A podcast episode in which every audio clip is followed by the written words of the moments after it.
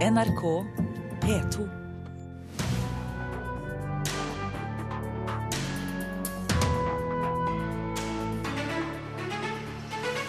Game of Thrones har skapt TV-historie. Etter nattens prisutdeling har de vunnet 38 Emmy-priser. Nei, Det er helt fantastisk. Eh, Det vil jo faktisk si at vi nå kommer i Guinness rekordbok. En glad Kristoffer Hivju. Kleskjeden Moods of Norway har tapt millioner de siste årene. Nå vil de ta organisasjonen tilbake der den startet. Kunstneren Lotte Konow Lund ble innsatt på Bredtvet kvinnefengsel for å lage kunst. Mektig gripende og tankevekkende. Hør kunstanmelder Mona Pale Bjerke. Velkommen til Kulturnytt. Mitt navn er Stine Tråholt. I natt hyllet den amerikanske TV-industrien seg selv i Los Angeles. Den prestisjefylte Emmy-utdelingen skapte flere historiske rekorder. Etter nattens utdeling kan nemlig Game of Thrones telle 38 priser, og dermed er de den mestvinnende serien i Emmy-historien. Mens dramaserien The People vs. OJ Simpson ble den store vinneren.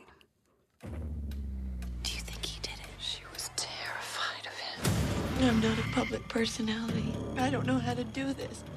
He's my friend. I don't turn my back on people. You're turning your back on Nicole. The People vs. OJ Simpson er en dramatisert versjon av rettssaken mot den tidligere superstjernen OJ Simpson, kjent fra idrett, film og TV på 70- og 80-tallet. Serien var nominert i seks kategorier under nattens prisdryss, og vant Emmy i fem av dem. Sammen med de tekniske prisene som ble delt ut forrige helg, gir det miniserien hele ni Emmy-priser i år. Emmy goes to Game of Thrones. Men det var Game of Thrones som skrev historie. Tre priser i natt, blant dem den gjeveste, beste dramaserie, og med ni tekniske priser i tillegg gjør det den populære HBO-serien til den mestvinnende dramaserien i Emmys historie. Gjennom hittil seks sesonger har fantasy-eposet fått 38 priser. You're not her legal guardian. We're clones. We're like lab rats in an illegal experiment. BBC America-serien Orphan Black stiller spørsmålstegn ved hva identitet er, og problematiserer kloning. For den serien ble Tatjana Maslani æret med prisen for beste kvinnelige hovedrolle i en dramaserie. I I, I thank you so much. Um, I, uh, there are so many people I feel so indebted to. And the Emmy goes to Rami Malek, Mr. Robot. Rami Malek fikk statuett for beste mannlige hovedrolle i en dramaserie for sin innsats i Mr. Robot. What I'm about to tell you is top secret. A conspiracy bigger than all of us. Serien tar for seg utfordringer knyttet til hacking og overvåking, et tema midt i den politiske agendaen. Det var en overrasket Malek som tok imot prisen. Oh my God. I... Og prisen for beste komedie pirker også borti politikken. Veep med Julia Louis Dreyfus i hovedrollen handler om livet som visepresident.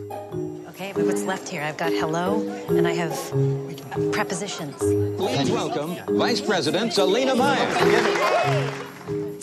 Reporter Thomas Overstein Ove. Norske Kristoffer Hivju, som har spilt en viktig birolle i Game of Thrones i flere sesonger, er strålende fornøyd med nattens priser. Den sjette sesongen av fantasyserien har særlig fått oppmerksomhet for sin nest siste episode, kalt The Battle of the Basters. Her barker to middelalderstyrker sammen i et gigantisk slag, og en sverdsvingende Hivju er midt i det hele. Nei, Det er helt fantastisk. Eh, Det vil jo faktisk si at vi nå kommer i Guinness rekordbok. Nei, Det er utrolig inspirerende for eh, det svært hardtarbeidende eh, crewet som holder på i Irland i dette øyeblikk. Og det er ekstremt inspirerende for absolutt alle som er med å gjøre denne serien det den er. Og, og beste manus og beste regi var eh, Battle of the Bastards-episoden som var, eh, var- de var nominert for. Var det stemmer ikke det? Jo, det stemmer. Og den er jo du ganske sentral i den eh, episoden. Eh, Hvordan var den å spille inn? Altså, når, når de skulle lage Bob, som vi kalte den, så, så satte de seg ned og så på alle, TV, alle, alle, alle slag som noensinne er gjort i filmhistorien. Og så tenkte de hvordan kan vi gjøre det bedre, hvordan kan vi gjøre det sterkere emosjonelt? Hvordan kan vi måte, skildre krig på en verre og vakrere måte? Eh, og, og, og, de fant ut at vi måtte bare gjøre det skritt for skritt. Vi skjøt hele slaget kronologisk for å, å, å, få med alle detaljer. Eh, og etter å ha filmet Sekvensen er på 20-25 minutter. Men etter å ha filmet i, i fire uker non stop, så satt vi igjen med 86 timer med opptak. Så, så, det, var, så var mye, det, var, mye, som var på tape, eh, og det var mye som måtte velges bort. men, men, ja, men det ble intenst. Det ble intenst. Og det var Filmpolitiets Marte Hedenstad som hadde snakket med Kristoffer Hivju nå i morgentimene. Og um, TV-serieanmelder Sigurd Vik, du har fulgt utdelingen i natt. Var det velfortjente priser? Det var eh, både fortjente og, og ganske skal ikke si forutsigbart, men det var, var de vi regna med skulle vinne, som vant. I Komipriskategorien eksempel, så var samtlige av hovedvinnerne de som vant i fjor. Eh, Game of Thrones vant jo også beste drama i fjor, så det var en god del eh, gamle favoritter som gjentok suksessen, eh, det, det kan man si. Vi kan ikke slippe Game of Thrones sånn med en gang, for det er seks sesonger og 38 Emmy-er. Hva er det med denne serien? Nei, den har liksom klart det å både være en fantasyserie som er ypperlig ypperlig egnet for alle som er fan, som liker fanteorier, og som har det der skikkelig nerdeforholdet til sine favoritting, samtidig som det er en god dramaserie som evner å gripe bredt, og som fanger folk som også er glad i gode historier og glad i gode TV-serier. Og så har den jo en bokserie selvfølgelig som den lener seg på, som også er veldig populær. Så uh, eh, samla her så blir det veldig god pakke til slutt. Og det er jo litt uh, snedig, for Game of Thrones får ikke være med og slåss om Emmy neste år, fordi den kommer for seint. For Emmy er litt som skoleåret. Det er liksom uh, mellom høsten og våren. Det, du må eh, ha dine serier hvis du skal få være med i, i, konkurransen, og Game of Thrones kommer ikke før neste sommer. Så derfor så er det to år til de får lov til å være med og kjempe om Emmy igjen. Så da var det jo veldig greit at de tok denne rekorden. da, Slo Frazier på målstreken. Frazier med 37, Game of Thrones nå med 38. Og uh, de to episodene som vippa han forbi, med Hivju i sentral rolle, Battle of the Bastards, det her var litt artig, altså. Og så var det en annen serie da, som fikk hele ni priser. The People versus OJ Simpson. Er det en god serie? Det er Kanskje innlysende, men Vi ga en terningkast fem vi, i, Filmpolitiet, men vi ga jo dokumentarserien om OJ, uh, eh, OJ Made in America, terningkast seks. Og de to seriene har jo kommet i år. Det har jo vært det store OJ Simpson-året i USA, det her. Og det er klart, dramatiseringa av rettssaken, århundrets rettssak med David Shrimmer, John Travolta, Cuba Gooding jr. på rollelista, det har jo vært en, en underholdende og god godbit. Men det var jo ikke de store stjernene som stakk med, med, de prisene. altså Serien vant for beste miniserie. Og så var det Sarah Paulson som spiller uh, advokaten som prøver å, å straffeforfølge OJ Simpson, som vant for beste kvinnelige hovedrolle. Det var Courtney B. Band som vant for beste mannlige hovedrolle. Og så var det Sterling K. Brown som vant for beste mannlige birolle. Så det var jo kanskje de beste skuespillerne som stakk av med prisene, og det var jo litt artig at det ikke var bare sånn stjernekraft som, som slo til her, men at det var de som virkelig imponerte, som, som fikk anerkjennelse for det.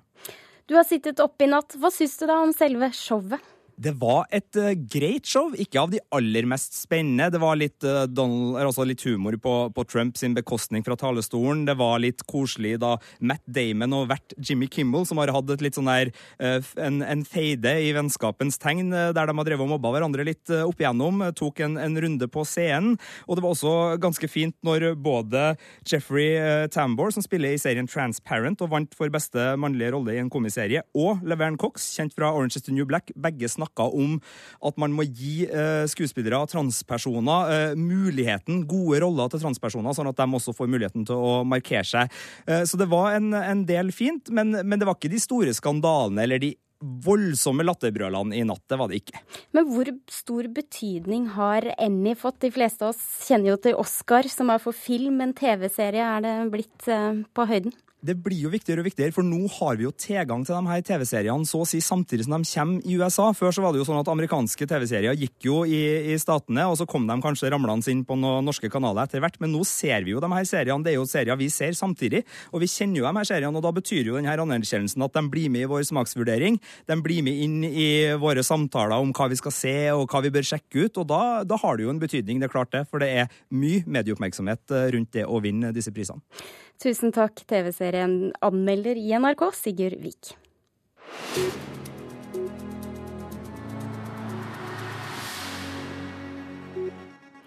Motesuksessen Moods of Norway har tapt millioner de siste årene. Regnskapet fra i fjor viser et driftsunderskudd på 30 millioner kroner, og salget av klær var betydelig redusert. Men bak de røde tallene har selskapet vært i en stor omstilling. Gründer Simen Stålnakke har en plan nå for å snu skuta. Det har vært ganske travelt, men nå føler vi at vi liksom er gjennom alt det her styret. Så nå har vi egentlig laga fundamentet som gjør at vi nå virkelig kan eh, satse videre og få litt arbeidsro og gjøre det vi egentlig er best på.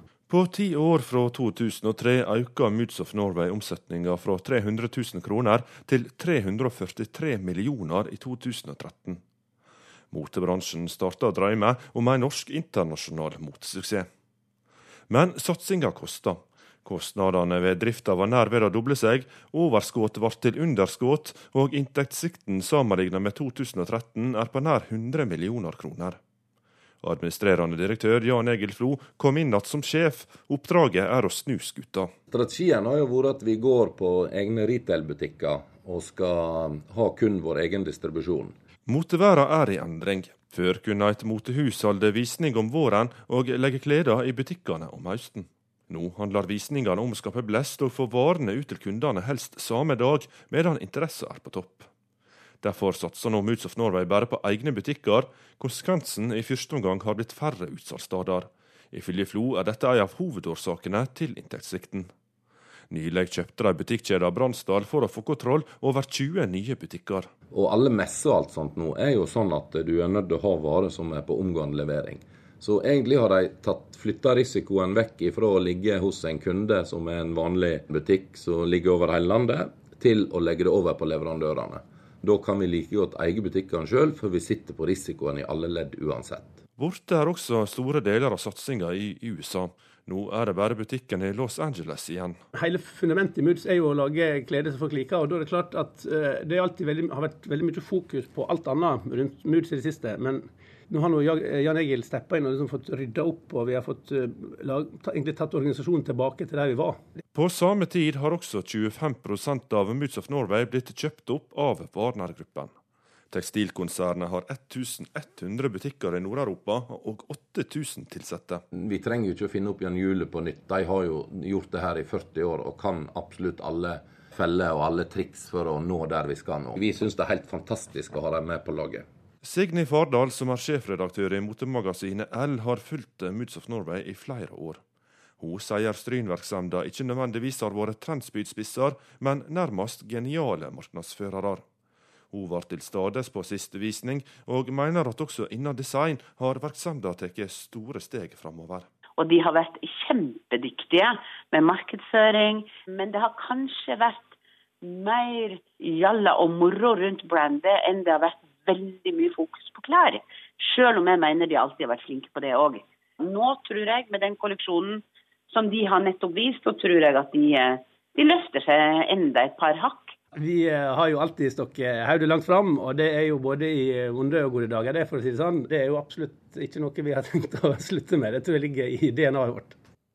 Reporter Asgeir Heimdal. Du hører på Kulturnytt, og nå er klokken snart 17 minutter over åtte. Her er dagens nyhetsoverskrifter. Fangevoktere sultefòret Kjartan Sekkingstad, slik at han ikke skulle klare å rømme. USA etterforsker tre mulige terrorangrep på ett døgn.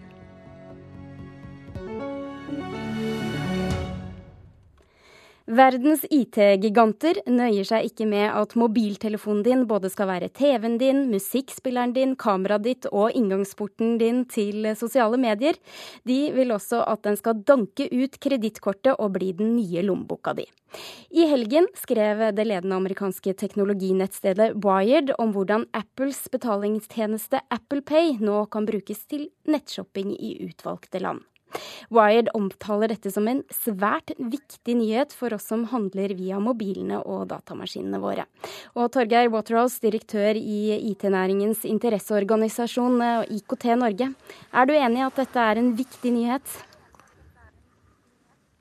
Helt opplagt, og det er på, av flere årsaker. Det ene er jo at, det, at den kundemengden Apple har i utgangspunktet med alle kredittkortene som de har i systemet sitt, hvor du og jeg er registrert, og det andre er at de, de, sprenger dører. De åpner opp sånn at eh, du og jeg og andre blir vant til å betale på andre måter enn det vi var fra før.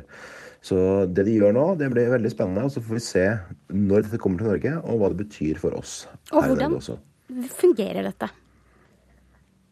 Det er veldig enkelt. Altså, for så vidt, du har allerede registrert deg hos Apple med iTunes-kontoen din, det som i gamle dager ble kalt iTunes-kontoen din, og nå Apple-kontoen din, hvor du har et brukernavn et passord, og du har et kredittkort liggende inne.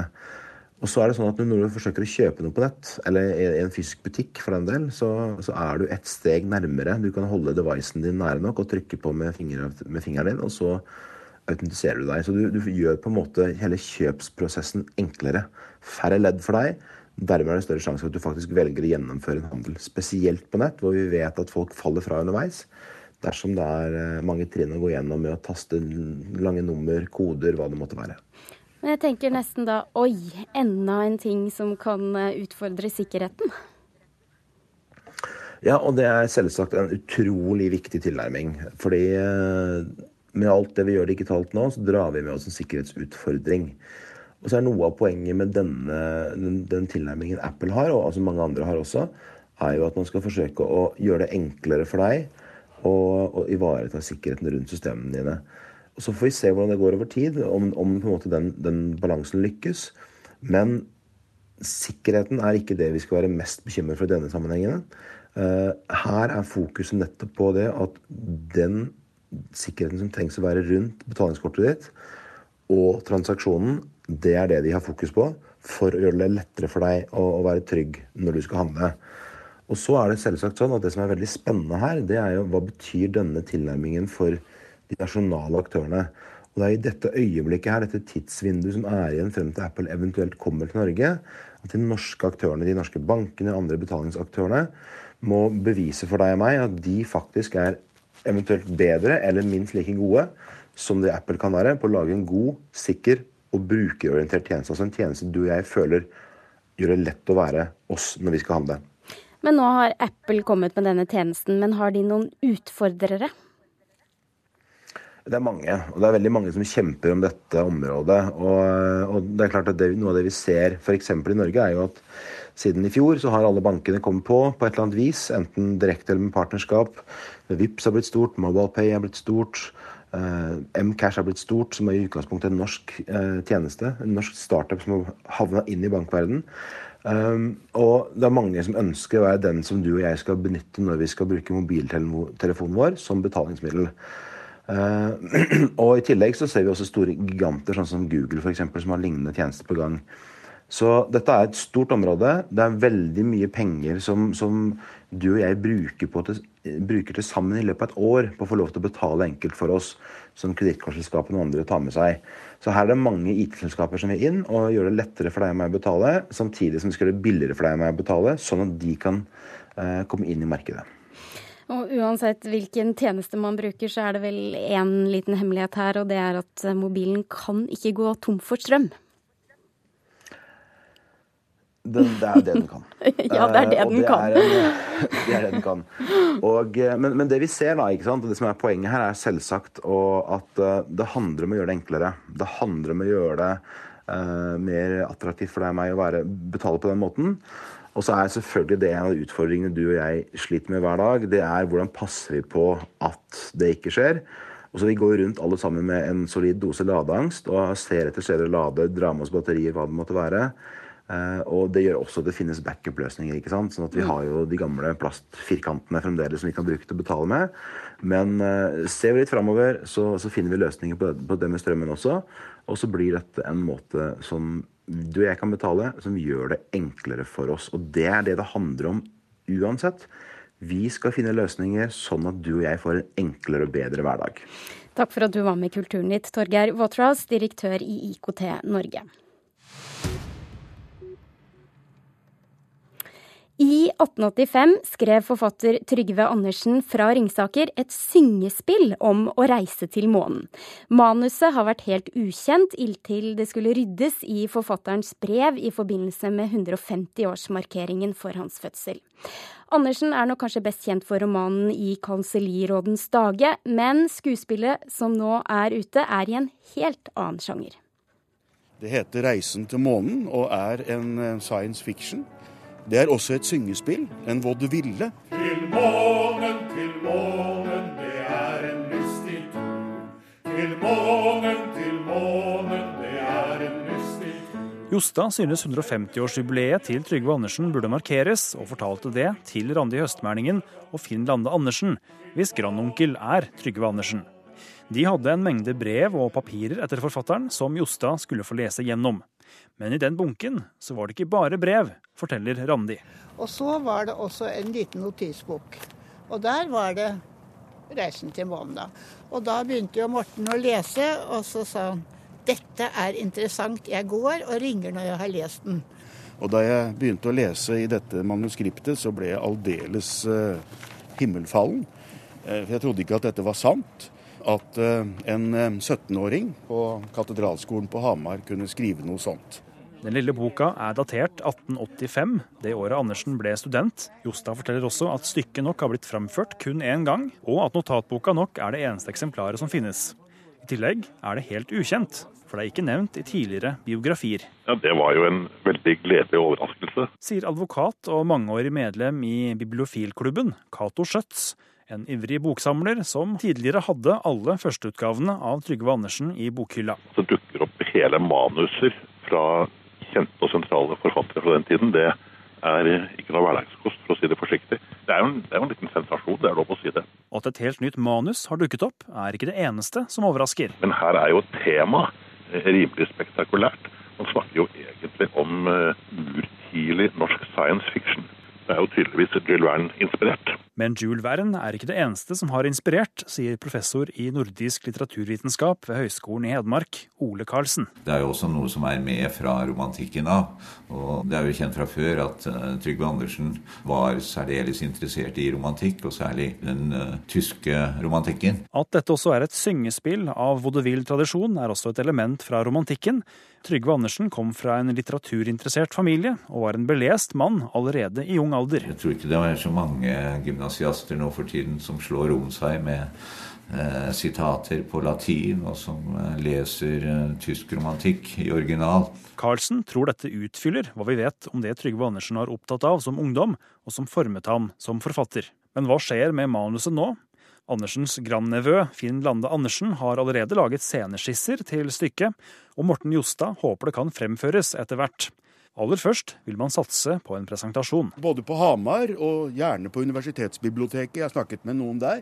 Som en kveld hvor vi leser og synger fra stykket, men hvor vi også projiserer eh, Finns eh, eh, sceneskisser da, til de syv scenene som stykket består av. Hvis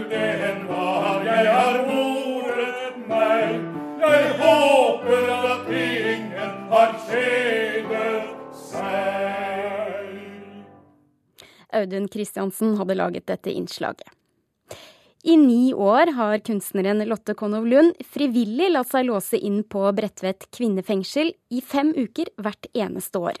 Henny Jonstad Kunstsenter viser nå for første gang verk hun har skapt sammen med de innsatte bak murene. Og vi skal høre litt om det resultatet, men først kunstkritiker Mona Pale Bjerke. Vi må nesten begynne med Hvem er hun, Lotte Konow Lund? Lotte Konow Lund hun er en av våre aller fremste billedkunstnere. Hun er en samfunnsrefser, en opprørsk stemme i norsk kunstliv, og det har hun vært hele veien. Hun opponerte seg jo allerede på, i akademitiden på 90-tallet mot teorifokuset eh, som utdannelsen var preget av, og holdt jo på med sånn, var en sånn slags geriljakurator som lagde også utstillinger utenfor de tradisjonelle scenene. Eh, hun er jo kjent både som performance- og videokunstner, men kanskje fremfor alt som tegner. Og det er som tegner vi blir kjent med henne eh, i denne utstillingen som heter Hold allting kjært. Og hva slags kunst blir det av å samarbeide med de innsatte på Bredtvet kvinnefengsel? Ja, Her har hun da hatt tegnekurs da, for de innsatte og tatt opp temaer som frihet, lengsel eh, og kvalitet. Nå sist var det kvalitet som var tema, og der har vi bl.a. da hun tegner jo bokstavene, da, så vi ser en dialog mellom to innsatte, hvor en sier, en romkvinne, en romkvinne sier på spørsmålet 'hva tenker du om eh, kvalitet'? Jeg har aldri hørt ordet. Og en annen sier jo, men det har du sikkert, du har jo kjøpt inn tomater ett sted fremfor et annet. Eh, aldri sier hun. ikke sant? Og det her har hun også videreutviklet også dette med sigøynerpiken. Et uh, motiv som vi kjenner fra en litt sånn kitschete tradisjon med litt sånn lettkledd, uh, eksotisert kvinne på veggen. Også som referanser til vår tids store skam med måten vi behandler eller ignorerer romfolket. Så det er veldig mye spennende også i disse, disse fengselarbeidene. Men et annet veldig øyenfallende arbeid som man må merke seg i utstillingen, det er et bord, som er arbeidsbordet til Lotte Konov Lund fra atelieret hvor hun har rett og slett begynt å tegne på bordplaten, på bordbena. Og det vokser også opp en slags fjellformasjon midt i bordet, som om ideen hennes har løsnet fra pennen og begynt å leve sitt eget liv som en kreftsvulst, som er litt sånn ute av kontroll. Og her tematiserer hun jo også forholdet mellom livet og kunsten, det flytende forholdet mellom livet og kunsten, hvordan de abstrakte ideene og arbeidsprosessen eh, henger sammen. Hold allting kjært heter utstillingen. Du er begeistret? Jeg er veldig begeistret. Dette syns jeg er, det er så tankevekkende. Det er et så rikt univers. Det er også så gripende. Jeg håper at alle vil sørge for å få med seg dette. Dette er et så viktig kunstnerskap. Dette må man rett og slett eh, dra ut i Henny Onsdag kunstsenter og se. Tusen takk, eh, Mona Palle Bjerke, som er kunstkritiker her i NRK. Og utstillingen den eh, varer frem til 18.12. på Henny Onsdag kunstsenter. Den unge, men returnerte skuespilleren Eili Harbo får hovedrollen i Joakim Triers neste spillefilm, den romantiske skrekkfilmen 'Thelma'. 22 år gamle Harbo har tidligere spilt i filmer som 'Kompani Orheim', 'Bølgen' og 'Doktor Proktors tidsbadekar'. Og til VG i dag så sier hun at hun har forberedt seg ved å ta svømme- og dykketimer, da deler av innspillingen foregår under vann. Opptakene til filmen starter i morgen. Produsent for denne sendingen var Gjermund Jappé. Nå får du snart eh, Dagsnytt her i NRK P2 og Alltid nyheter. Hør flere podkaster på nrk.no podkast.